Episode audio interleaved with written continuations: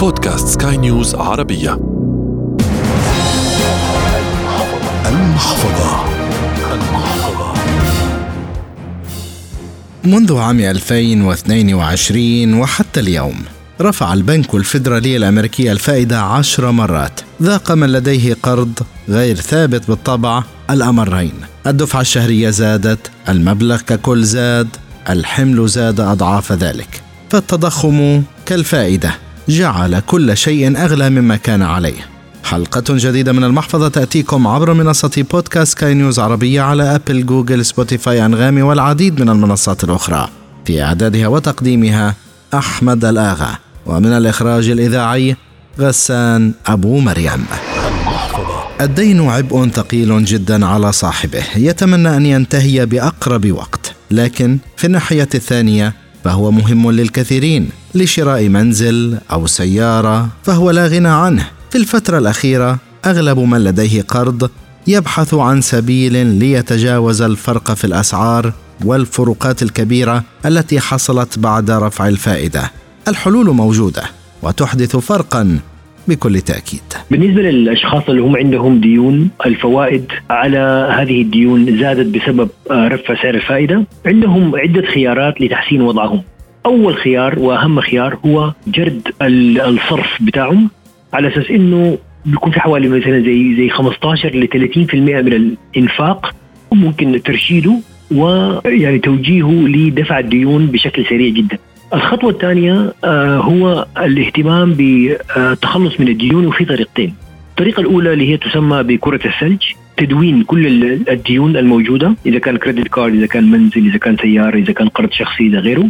والبدء بدفع الدين اللي هو أصغر دين من ناحية الحجم.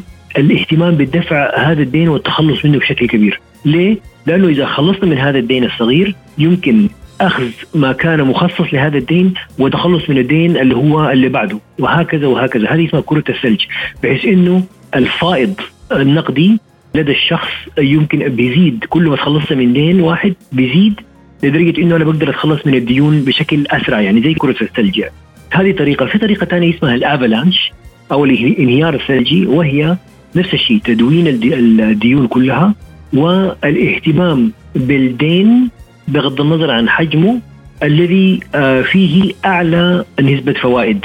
لأنه آه، السبب لذلك إنه مثلا إذا عندنا مثلا 100 دولار مثلا نجد إنه الدين اللي هو فيه أعلى فوائد نجد من هذه ال 100 دولار مثلا 40 دولار منها يذهب إلى الفوائد وليس إلى أصل الدين. فلذلك يعني هذا أكثر دين مضر. فلا بد من محاولة التخلص من هذا الدين بأي شكل حتى إذا أخرنا الديون الأخرى اللي هي لديها آه، فائدة أقل. هذه دعوة لسماع بودكاست حياتنا والذي تقدمه آمال شابة. حلقة بعنوان المسؤولية المالية بين الأزواج على عاتق من تلقى. حلقة تهتم بالجانب المادي للأسرة ومن الأجدر بقيادة المصروف المنزلي وعدم لجوئه ربما للبنوك. نعود للمحفظة ونقطة مهمة جدا. من الممكن أن تنهي معاناة من لديه أكثر من قرض من أكثر من جهة. بطاقة ائتمانيه هنا أخرى من بنك آخر. قرض سيارة من بنك قرض بيت من بنك آخر. وأيضا هناك من لديه قرض شخصي. فبنك جديد ربما يكون سبيلك بنسبة فائدة منافسة. ومن الممكن أن يشتري دينك فتصبح دفعاتك دفعة واحدة لجهة واحدة.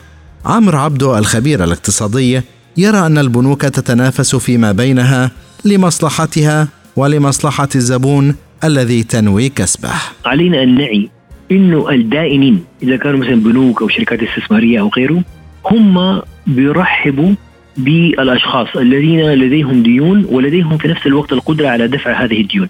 فإذا أنا مثلا آه، أنا مدين مثلا لبنك ألف يمكنني وأنا يعني بدفع مثلا فوائد كثيره جدا إذا كان credit card وقروض شخصية وسيارة وغيره. بدفع مثلا في المتوسط حوالي مثلا 10 إلى 15% مثلا credit card بيكون أعلى الدين الشخصي ربما مثلا 9% وهكذا. بدل let's say بين 10 و 15% أنا ممكن أروح للبنك با أو بنك آه، جي جيم وأقول لهم أنا هذه هذا مجموع ديوني مثلا let's say 200 ألف درهم مثلا. وأنا آه، موظف أو رجل أعمال أو غيره أو غيره وأنا زي ما أنتم شايفين أنا مثلا على مدى ستة أشهر أو السنة الماضية بدفع بشكل مستمر مثلا كذا 10000 5000 15000 اي ايا كانت يعني بشكل مستمر ودائم. فبالتالي تعرض على البنك وهم حيرحبوا بهذا الشيء إنه أنا عاوز أحول كل ديوني عليكم أنتم يعني أعطوني أدفعوا أنتم بالنيابة عني كل ديوني وأنا أرحل كل ديوني عندكم أنتم وأنا أدفع لكم أنتم قسط واحد فقط. بسعر فائدة أقل مثلا 10 8% أو غيره. ففي هذه الحالة شو الدافع مثلا بالنسبة للبنك الثاني أو الثالث؟ هو إنه هم حيكسبوا زبون اولا ثاني حاجة حيكسبوا ال 8 أو 9 أو 10% اللي هو أنت أصلا كنت بتدفعه زيادة في بنك ثاني. يعني الواحد لازم يحاول أيضا يستفيد من المنافسة بين البنوك بينه وبين بعض بحيث إنه هم حيرحبوا بانضمامك لهم ومقابل ذلك هم آه، حيدوك شروط أفضل بالنسبة لدفع هذه القروض مهما كان حجمها.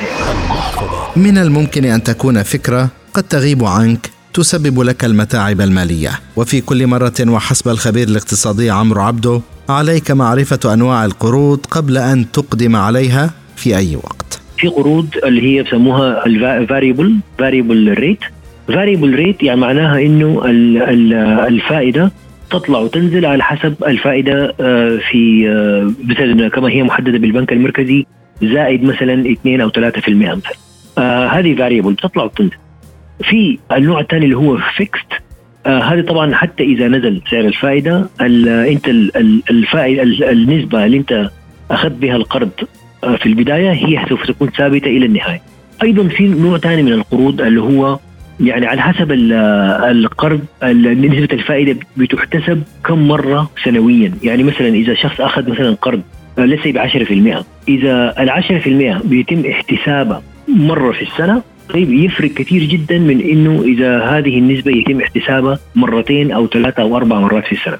لأنه إذا تم احتسابها مرتين أو ثلاثة أو أربع مرات في السنة هذا بيزيد المبلغ بشكل كبير جدا على الشخص المديون. فعلى الأشخاص لازم يعرفوا إنه هل هذا القرض هو فاريبل هل يعني نسبة الفائدة ثابتة ولا متذبذبة بحسب طلوع ونزول أسعار الفائدة؟ الحاجة الثانية كم مرة يتم احتساب الفائدة آه سنويا؟ يعني مثلا ليه بطاقة الائتمان الواحد لما ما يدفع بتكون صعبة جدا؟ ليه؟ لأنه بيحسبوا الفائدة كل آه كل شهر. يعني كل شهر على المبلغ كله. فبالتالي آه، عشان كده يعني بقول لك يعني هم آه، بطاقات الائتمان بيحبوا جدا الشخص اللي هو يدفع بهقد المينيمم يعني ما عاوز انك أنت تدفع كل المبلغ آه، يعني آخر الشهر عاوز انك بس تدفع ال minimum فقط ليه؟ لأنه بيحسبوا فائدة على المبلغ الموجود كله وهذا المبلغ يعني بيتم بيكون بشكل مركب كل شهر يعني.